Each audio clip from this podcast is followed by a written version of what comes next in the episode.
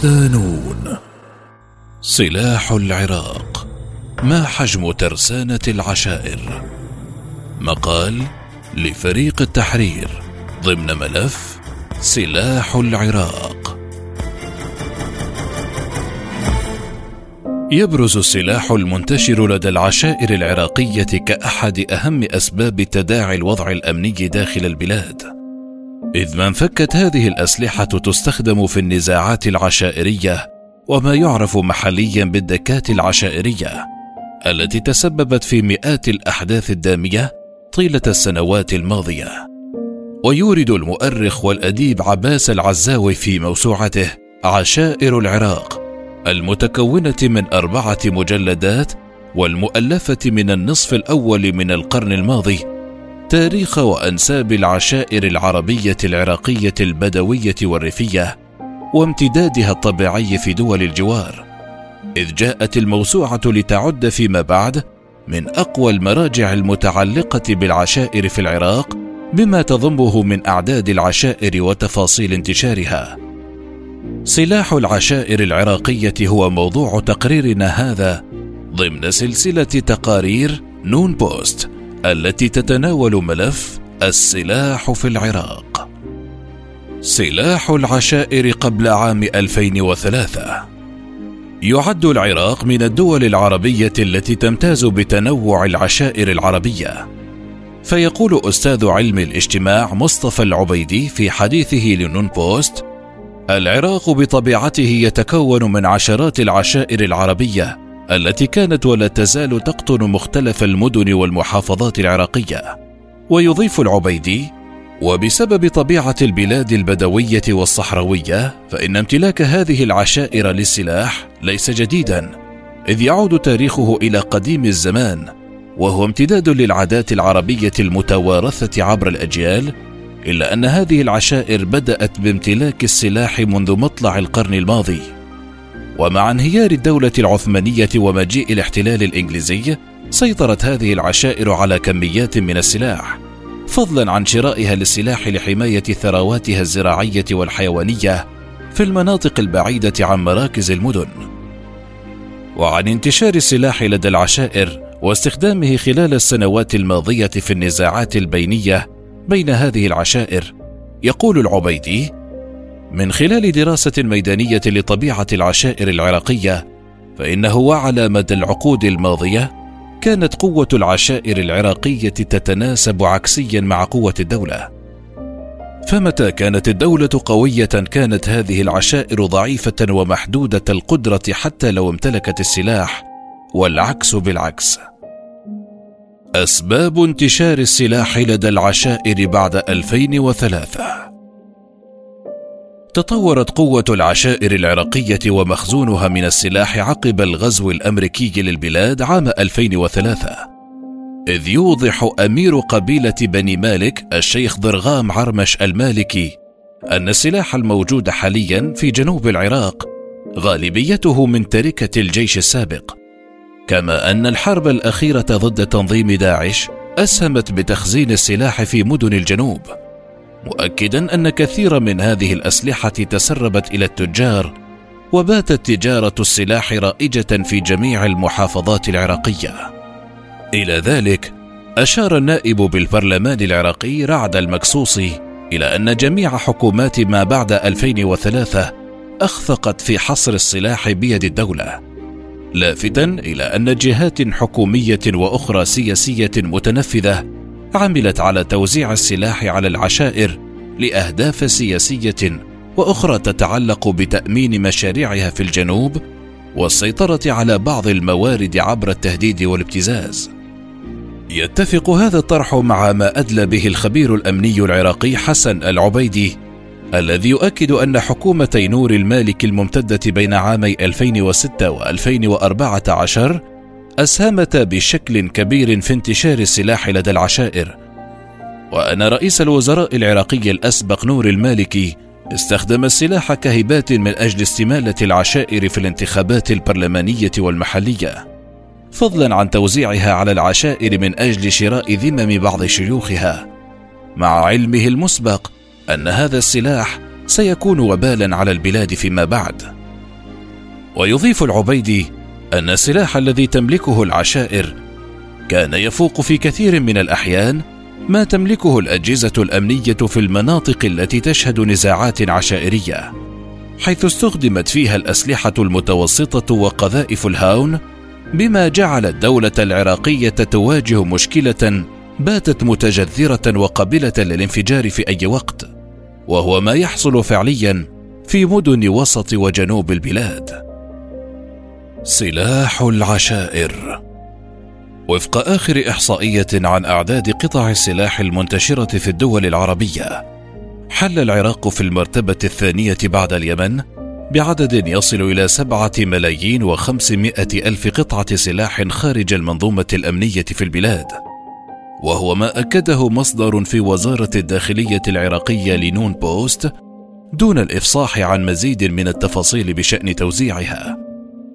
وفي الوقت الذي تؤكد الإحصائية هذه الأرقام يرى الخبير الأمني رياض العلي أن هذه الإحصائية تفتقر للدقة لافتا إلى أن وزارة الداخلية العراقية ذاتها لا تعلم عدد قطع السلاح المنتشرة خارج المنظومة الأمنية.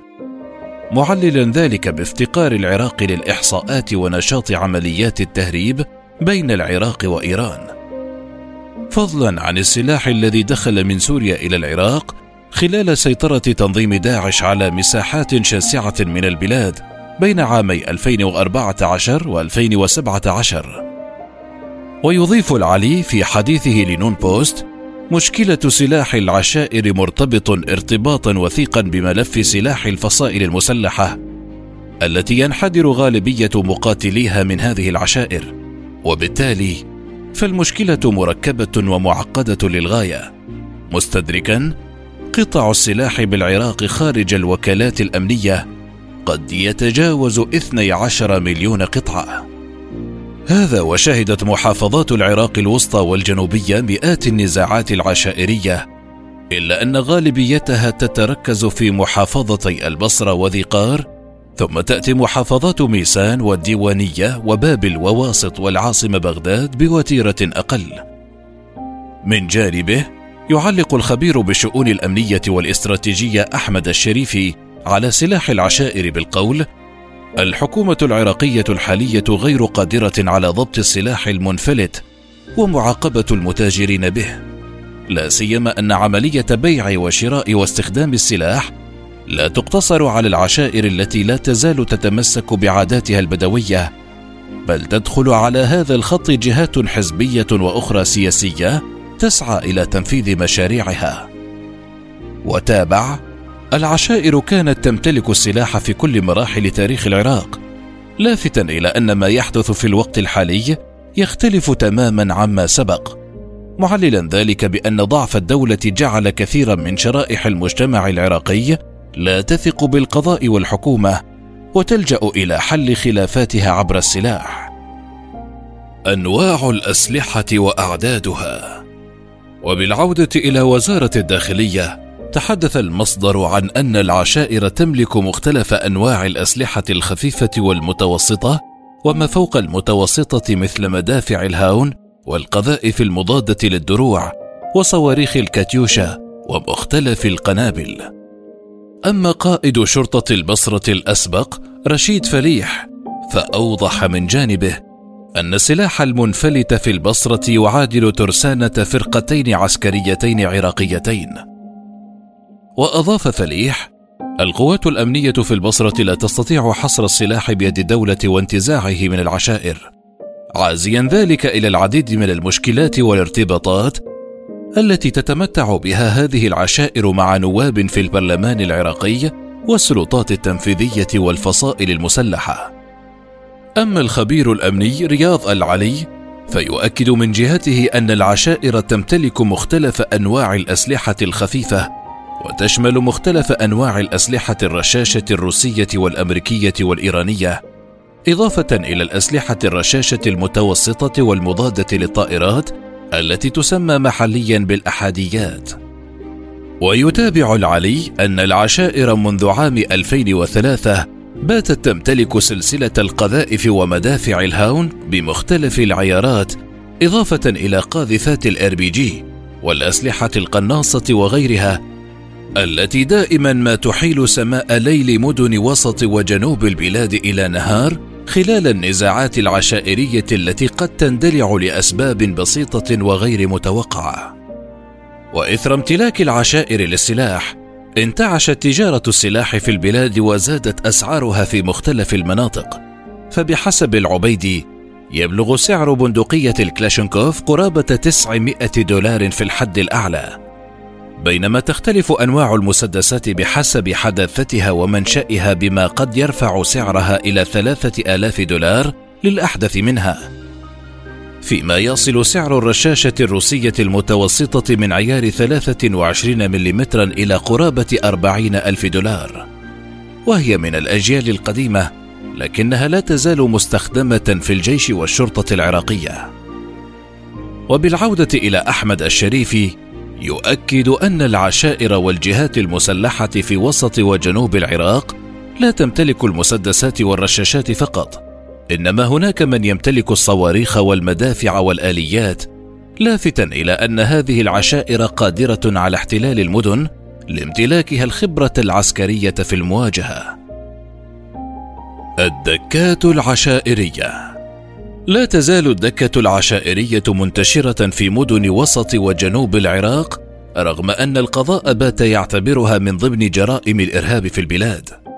وتعرف الدكة العشائرية على أنها ظاهرة قبلية تتمسك بها قبائل وسط وجنوب العراق من أجل استرجاع الحقوق دون تدخل حكومي أو قضائي.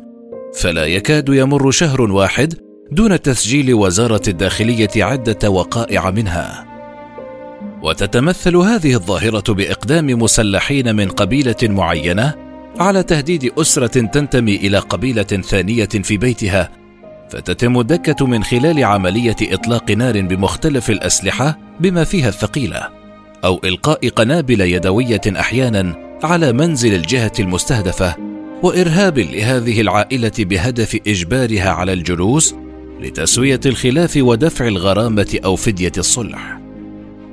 وبالعودة إلى الخبير في علم الاجتماع مصطفى العبيدي يؤكد أن ظاهرة الدكة العشائرية لم تكن معروفة في العراق قبل الغزو الأمريكي عام 2003 وكانت النزاعات العشائرية نادرة جدا فكانت العشائر تقتصر على أخذ الثأر الذي دائما ما كان يجابه بالقوانين والمحاكمات والسجن أو الإعدام إن تسبب الحادث بالقتل.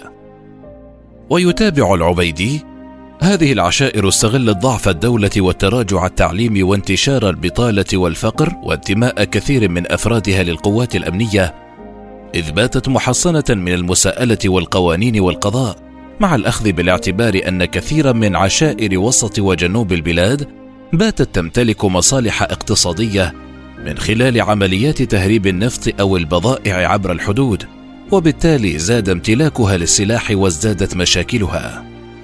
ووفق مصادر أمنية في وزارة الداخلية العراقية بلغت أعداد النزاعات العشائرية المسجلة عامي 2020 و2021 قرابة 74 نزاعا.